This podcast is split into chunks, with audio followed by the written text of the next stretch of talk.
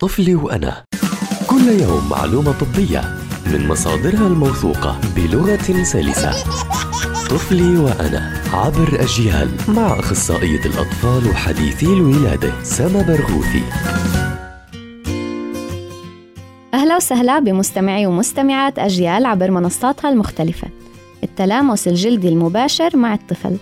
لحظة ولادة الطفل من أهم اللحظات بحياته. بنتقل فيها من حياة كاملة داخل الرحم لحياة مختلفة كليا بأصواتها وروائحها وأشخاصها. من أهم الأمور اللي ممكن نعملها بهاي اللحظة حتى نخلي الانتقال سلس وسهل التلامس الجلدي المباشر مع الطفل. منجففه وإذا وضعه الطبي بيسمح منحطه مباشرة على صدر الأم أو الأب. هذا التلامس بهدي الطفل بحافظ على درجة حرارة جسمه وبزيد من ارتباطه بأهله مش بس على المدى القريب كمان على المدى البعيد.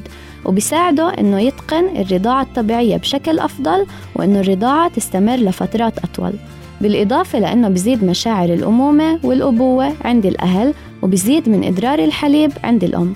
ما تضيعوا هاي اللحظة الحلوة والفوائد العظيمة الجسدية والنفسية للأهل وللطفل واستمروا فيها مش بس بلحظة الولادة كمان خلال الأشهر الأولى بشكل يومي. بستناكم بحلقة جديدة من طفلي وأنا حتى نحكي عن مواضيع بتتعلق بصحة الطفل.